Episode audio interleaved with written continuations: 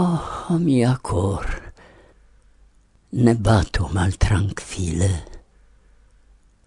El mia brusto nun ne saltu for, iam teni min ne povas mi facile, ho mia cor. Oh, mia cor, post longa laborado, ciu mi ne vencos, en decida hor, suffice, tranquille, filigiu del batado, o oh mia cor. Varsovia vento, bla bla bla. 1920, frazione.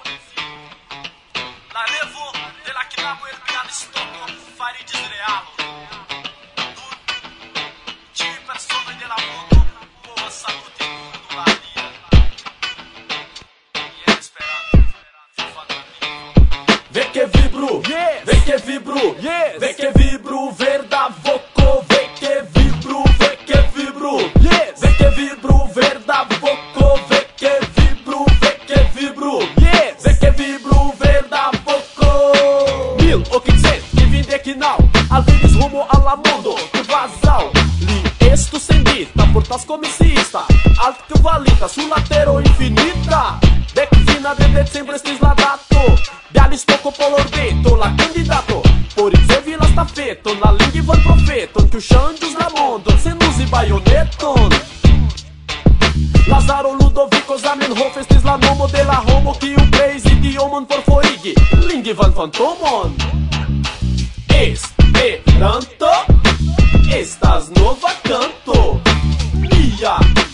Yeah.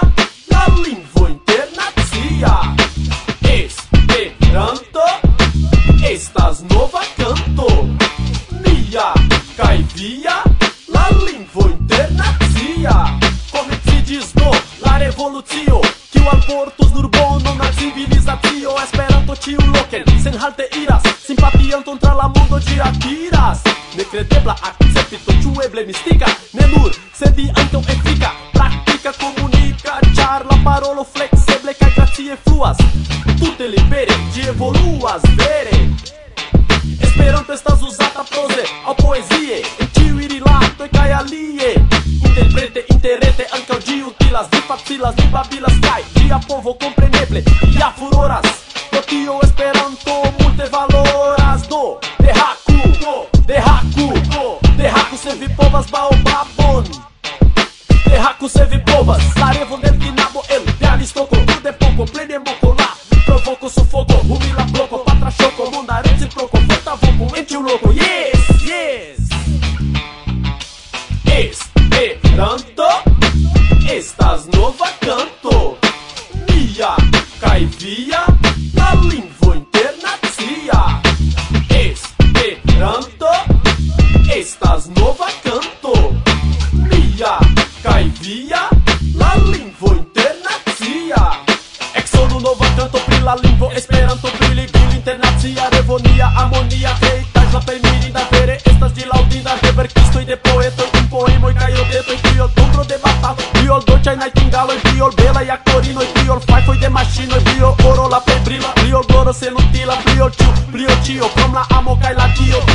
centjaro estis tiu esperantistar en Eŭropo Ameriko en Azio kaj Afriko tie ajn vi veturados Esperanton vi trovados sur la strato en vagono en hotelo en salono kaj eĉ en privata domo ĝi parolos tiu homo laboristo profesoro kaj juĝisto kaj doktoro kaj hebreo kaj kristano kaj litovo kaj japano kaj pereos la pendato mi fine mi vide mi fine komprenas strato porque venu tiu horo kune frato al laboro jen per kanto jen per vorto jen agante ĝis la morto servu ni al la afero la plej bela sur la tezo gardu ĝin de la forteza preparolo en la presa Iruki el apostolo y predico por popolo Cartizono ni avoto Sin laper, en chuloco, en villaggio, en ureto, en edeio, en gazeto En servota y na lavero, ni fortigo la espero.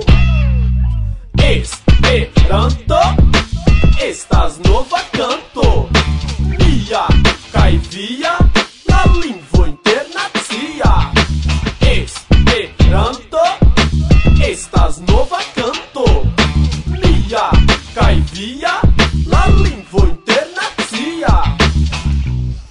Saluton karaj, ĉi tie parolas Alina Moser, Ewa Szymańska, organizantoj de Varsovia Konferenco, okaze de centa mort dat reveno de Ludovico Zamenhof, kiu jus antau kelkaj tagoj finigis. Mi volas danki al prelegantoj, kiu akceptis nian inviton kaj nobligis konferencon, kaj speciale al prezidanto de UEA Mark Fettes, al familianoj de Ludovico Zamenhof, Małgorzata Zaleski-Zamenhof kaj de Ludovika fratino, Augusta, nepino, pranepino kaj prapranepo. Ankaŭ mi volas danki al ĉiuj partoprenantoj kaj gastoj, kiuj venis al Varsovio por kune kun ni solene festi. Precipe danki al nia majstro Ludovico Lazaro Zamenhof pro lia donaco por la tuta mondo. Yes. Hodiaŭ iom alia elsendo ol tiu kutimoj al kiuj vi alkutimiĝis, ĉar mm, dediĉita ĝi estas al sinjoro doktoro Ludoviko Lazaro Zamenhof okaze de cent jara mortdatreveno de kreinto de Esperanto. Yes. Do nun la provizora studio de Varsovia vento krome. Rudzia, Sylwia, Marek kaj mi Irek kaj La plej grava momento, almeno por mi, estis tiu renkontiĝo C'è la tomba monumento de Ludovico, kiam ni laŭtlegis ĉiujn poemojn de Ludovico kai fine cantis Georgo Hanslik. Yes, kai tiu ci momento estis ege, ege emocia por ciui. Mi rimarkis, ke ec kelkaj homoj ploris. Mi tion ne vidis. E... Sed mi vidis. Kaj mi rimarkis? sed ni ne malcasos la nomoin de tiui kiuj havis larmoin en oculoi, cer fakte ancau mi sentis min ege kortuŝita pluvas pluvas kai pluvas. Felice ne pluvis tiam, kvankam Silvia giuste mm, presentis tiun poemon de Ludovico. Subita aperis suno, mm, estis ec varme kai... Do eble ne vere varme ĉar blovis forte ne varsovia vento, vento de nordo. Jes, sed almenaŭ estis almenaŭ estis suno kaj tio jam estis bona vetero por ni. To laut legado de poemoj de Ludovico Zamenhof ĉe la monumento tombo bedaŭru ke vi maltrafis tion. Al vi, o potenza sen corpa mistero, fortego la mondon reganta. Al vi granda fonto del amo cae vero, cae fonto de vivo constanta. Homaron vi creis perfecte cae bele, sed gi sin dividis batale. Popolo popolon atacas cruele, frat fraton atacas chacale la verdan standardon tre alte ni tenos. Gi signas la bonon kaj belon, la forto mistera del mondo nin benos kai nian atingos ni celon. Mia penso cae turmento, cae doloroi, cae esperoi, kiom de mi en silento al vi iris jam oferoi. Tra densa mallumo briletas la celo, al kiu curage ni iras. Simile al stelo en nocta cielo, al ni la directon gi diras. Nur recte, curage, cae ne gigante, ni iru la vojon celitan, et guto malgranda, constante frappante, traboras la monton granitem. Vi, verda radio, Ec brilo carulo, per brilo fortica, per brilo constanta, cae malgrau malhelpoi del norda nebulo, vi restu fidiga, vi restu lumata. Por estes jam laboroi del comenzo, unua muro estes trarompita, cae dolce estes nia recompenso, ciam la celo estus alvenita. Nia diligenta collegaro, en laboro paca ne lacigios. Gis la bela sonjo del homaro por eterna ben efektiviĝos. Maestro, mi volas danki vin, signoro Ludovico, mi volas danki vin, per citiu Mi volas danki vin al juna Mi volas danki vin doktoro Esperanto. Proverda coro de Julio Strecita corde Koloman pro la kongresen Varsovio pro renkontigio kun Japan pro la kongresen Varsovio pro renkontigio kun Japan mi volas danki vin, signoro Ludovico. Mi volas danki vin, per citiu can. Mi volas danki vin, maljuna kurasisto Mi volas danki vin, doktoro Esperan Pro la amikoj el Francio, el Germanio, kai canado el italicae Hungario pro Belulin el Leningrad el italicae Hungario pro Belulin el Sankt Peterburg mi volas danki vin signoro Ludovico. Mi volas danki vin per ĉi Mi volas danki vin, maljuna curatisto Mi volas danki vin, doktoro Esperan Pro juna negro comenzanto Cortuscia franza melodi charcio danca Esperanto, ĉar ĉio majstro dank al vi, ĉar ĉio danka Esperanto, ĉar ĉio dank al ci.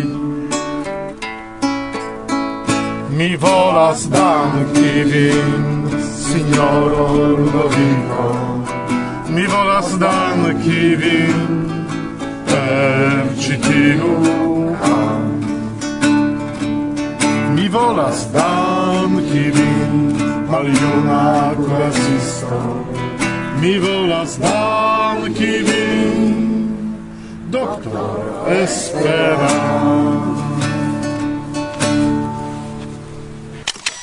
Do uh, ankaŭ uh, la familianoj deziras ion aldoni. Do ni ci estas familio fakte. Ankaŭ ni estas pranepoj. Japana pranepo, cune la franca pranepino. Estas, estas tre kortuŝita, ke ni estas granda familio, internacia familio. Via sonĝo, Yes, realiĝis. Mi gioias. Ankaŭ ni. Dankon, dankon. Cara maestro, ne conis ni vin persone, sed ni parolas en la lingvo kiuen la internacia rondo estas comprenata. Acceptu de ni kelkajn florojn.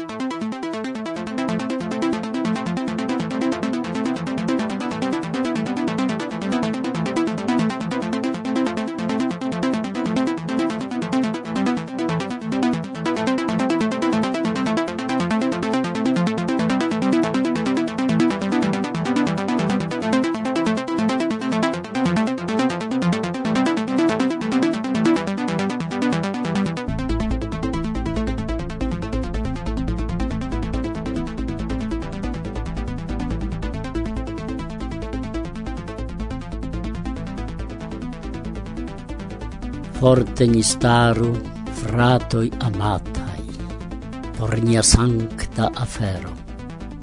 Ni bataladu cune tenatai per unu bela espero.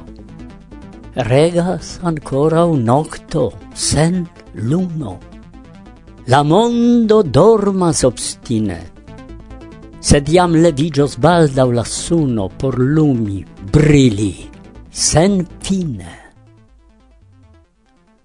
Vecu, ho vecu, vecu constante, ne timu ridon, insulton.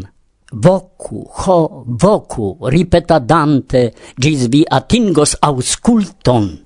Decon da foioi vane perdigios la voco via ridata, la dec unua al radicigios, cae crescos fructo benata tre malproxime ciui ni staras la unui de la aliai.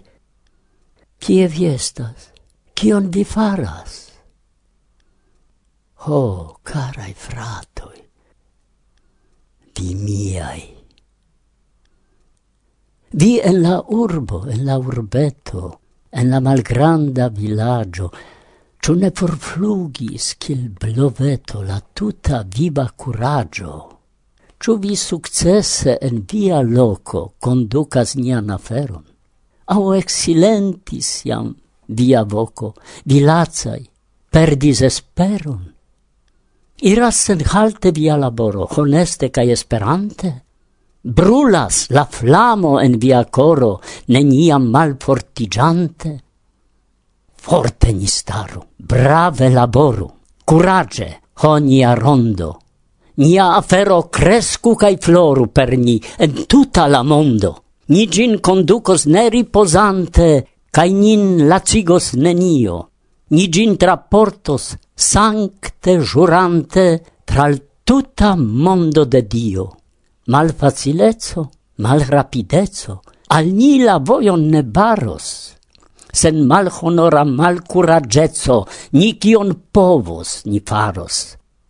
Staras ancorau en la comenzo, la celo en mal proximo, ni gin atingos per la potenzo de nia forta animo. Ni gin atingos per la potenzo de nia sancta fervoro. Ni gin atingos per pacienzo, cae per sentima laboro glora la celo, sancta la fero, la venco baldau gi venos. Levos la capon, ni cun fiero, la mondo gioie nin benos. Tiam attendas nin recompenso, la plei maiesta cae riccia. Nia afero cae pacienzo la mondon faros felicia.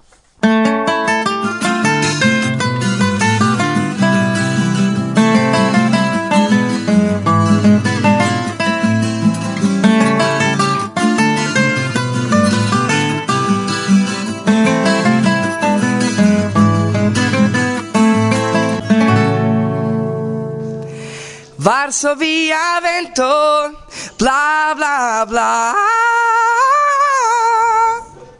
Eh, do, se tie mi havas plezuron sidi inter la organizanto de la solenajo casa de la centa mort dat reveno de Ludovico Zamenhof en Varsovio, kaj mi deziras diri ian anafero ke tiu ĉi solenaĵo estis efektive tre bela kaj kortusa, char oni ne parolis oficiale, sed oni declamis poemoin de Ludovico Zamenhof, li versaine su tre contentas se li tion audus. Kai kiel mi diras pri tio, ke oficialaj paroloi. Ĉar shainas al mi, ke tie oficialaj paroloi jam okazis kelkfoje. La unuan foion Ludovico Zamenhof estis celebrita cela la tombo Nau jaroin post lia morto. Li mortis dum la milito en 1907, kai poste Estis nur starigita tre modesta tombo con tabulo en la pola lingvo ci tie kusas Ludovico Zamenhof, dato de nascigio, dato de ha morto creinto de Esperanto li vivis quindexep sep sed en la jaro 1926 okazis granda ceremonio, char el Scotlando venis nova monumento al Ludovico Zamenhof, cetere gi estis planita cae desegnita en Pollando de la sculptisto Mieczysław Lubelski, sed gi estis farita en Aberdeen en eh, Skotlando. Kial en Skotlando tiel malproksime? Eh, do vidu, tio estis ciam postmilitaj eh, eh, tempoi trega mizeron Pollando, detruita Pollando, eh, kaj tiam eh, esperantistoj ankaŭ estis malriĉaj, kaj unu el esperantistoj, rica esperantisto en Britujo, li nomiĝas Applebaum, lancis la ideon collecti monon por construi postarigi dignan monumenton al tombo de Zamenhof. Ca tio afero dauris longe, quancam Clara Zamenhof estis eh, tiam cefa organizantino en Varsovio, sed tamen collectado de monon ocasis pere de tiu signoro el Britio kai li mem compreneble per la mono collectita cetis en Scotlando granitan pezon rokon kai tie John Kultz cizis la monumenton laŭ la projekto de Mieczysław Lubelski kaj ĝi transportita. Mi legis che ciu esperantisto in Pollando en la jaroj dudekaj observis tion alvenadon de tio grandega ston pezzo per trajno. Ĝi unue venis al Gdynia per Sipo, kaj poste si portita al Varsovio sed oficiala eh, malfermo de tiu ci monumento okazis juste en la nava treveno de la morto de Zamenhof en la jaro 1926. Bedaurinde, Clara jam ne disatendis, cer si mortis du jaroin pli frue. Sed uno jaron poste, tio estes en la jaro 1927, okazis grandega ceremonio, char Tiam en Gdańsk okazis Universala Kongreso de Esperanto kaj la lasta tago de la kongreso estis portita al Varsovio, do ĉiuj kongresanoj venis al Varsovio kaj tiam okazis grandega bela ceremonio ĉe la tombo de Ludovico Zamenhof. Tio estis dek jarojn do da treveno jubilea, sed posta alia eh, solenaĵo ĉe la tombo okazis en la jaro 1937, char giuste tiam estis en Varsovio jubilea congreso ocase de la quindec jaroi de Esperanto kai fakte ocase de mia nascizo. Char giuste mi tiam naskiĝis kaj mi credas che speciale por tiu celo oni organizis congreso en Varsovio. Bone, do eh, estis tridek sepa jaro kai La sekva esis en la jaro 1959, kiam estis la kongreso, universala kongreso en Varsovio, sed poste esis alia granda okaze de la centiara naskiĝo de Esperanto en la jaro 1987.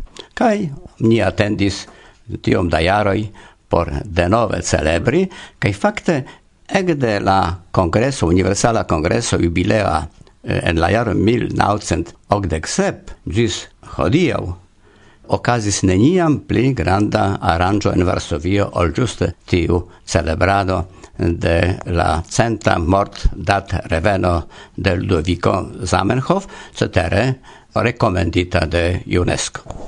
Homoi, ci tie kiu sidas rigardas in kun vera atento Char Roman havas tiun kapablon varbi atenton de la homoj. Koran dankon Roman pro via ne, rakonto. Ne dankinte, ni danko al Zamenhof. Mi multe eh, ŝuldas al Ludoviko en mia vivo, ĉar fakte iu sense Esperanto kaj Zamenhof iel fixis min en la ĝusta loko de mia vivo. Ne? Koran dankon Roman. Mi salutas ĉiun aŭskultantojn de Varsovia Vento. Ĝi estas vere utila kaj bezonata por Esperanto movado. Doktoro Zamenhof rigardas, jen verda coro sancte ardas, en la cen danzo non tranquile. Cioi in tranquillas, Ienen amica cendan, se non tranquille, con gioio la doctoro diras, che ne malsano lin inspiras, en la cen danzo non tranquille, cioi ni tranquillas, ien en amica cendan, se non tranquille, ma amic vi estas, tutte sana, serciado plua estus vana, en la cendan, se non tranquille, cio in ne tranquillas jen en amica cen danzo non tranquille. Ne estas ja malsana tristo vi igis nur esperantisto. En la cen danzo non tranquille cioi ne tranquillas jen en amica cen danzo non tranquille sed eh, compreneble mm, la conferenza nestis nur rencontigio ce la monumento tombo. Okazis pli multe kaj cio tio comencigis eh, vendrede matene. Yes, do la rencontigio ce Zamenhof tombo estis la plei grava programo char ni ja ciui venis por danki al Zamenhof pro cio kion li faris, sed ankaŭ crom tio estis aliaj programeroi.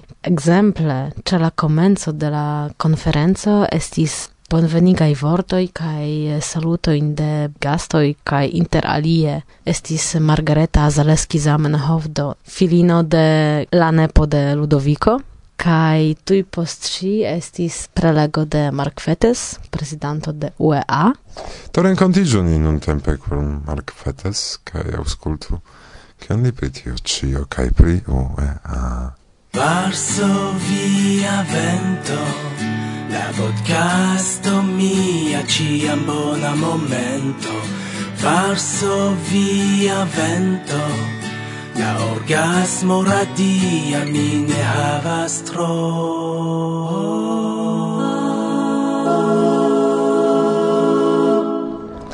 Uh, mi estas Mark Fetes, la prezidanto de UEA. Do, ni renkontiĝas en Varsovio. Kial? Mi venis ĉi tien pro la solenaĵo dediĉita al la centjariĝo aŭ la centa datreveno de la morto de Zamenhof. Kion vi deziris mesaĝi al esperantistoj kiuj sidis eh, en la ejo kiam estis la oficiala malfermo? Nu en tio mi diris ke Varsovio estas la kultura ĉefurbo de la Zamenhof jaro, ĉu ne? char giuste citie aperis Esperanto giuste citie Zamenhof plei longe vivis kai praktikis medicinon kai do mi pensas ke kvankam oni festas la Zamenhof jaron tra la tuta mondo tamen la oculoi de ciui esperantistoi esas directitae al Varsovio ciam citie ocasas tia solenaggio. Ču estas facile si presidanto de Universal Esperanto Asocio? Nu, yes, mi, mi curagigas homoin candidatigi. Por diri honeste, mi dirus che ne, ne estes tre facita posteno, car la asocio estes suffice complica, tra le iardecoi compreneble gi aringis multajn diversajn legadojn kaj oni devas iel esti constia almenau kai ium informita pri ciui por uh, ne offendi homoin unue kaj espereble anco por iel contribui al la vivantigo de la Esperanto-kulturo, al la disvastigo de Esperanto en la mondo. Yes, es sufiĉe defia postenove reclamo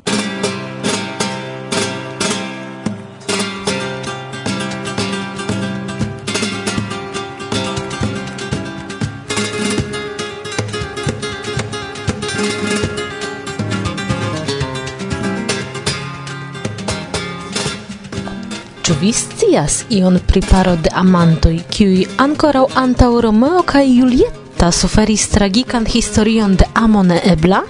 Eble jes, eble ne, kiu scias? Tamen, se vi ne konas la historion, sciu, ke ĝi okazis ĝuste antaŭ okcent jaroj. Jes, jes, jes, jen fakto!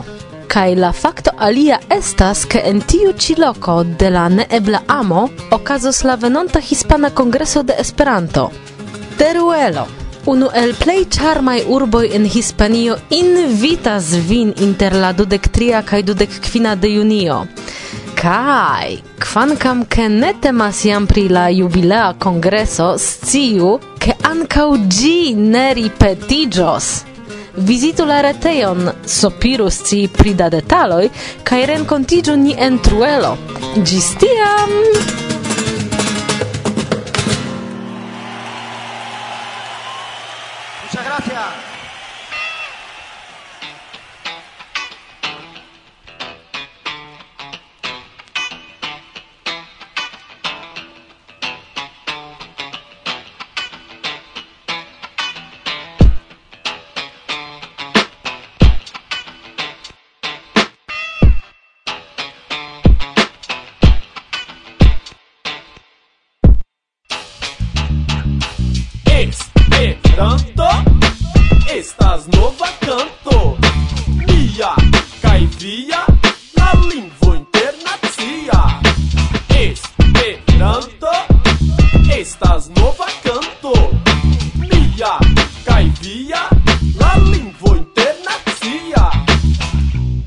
varsovia vento.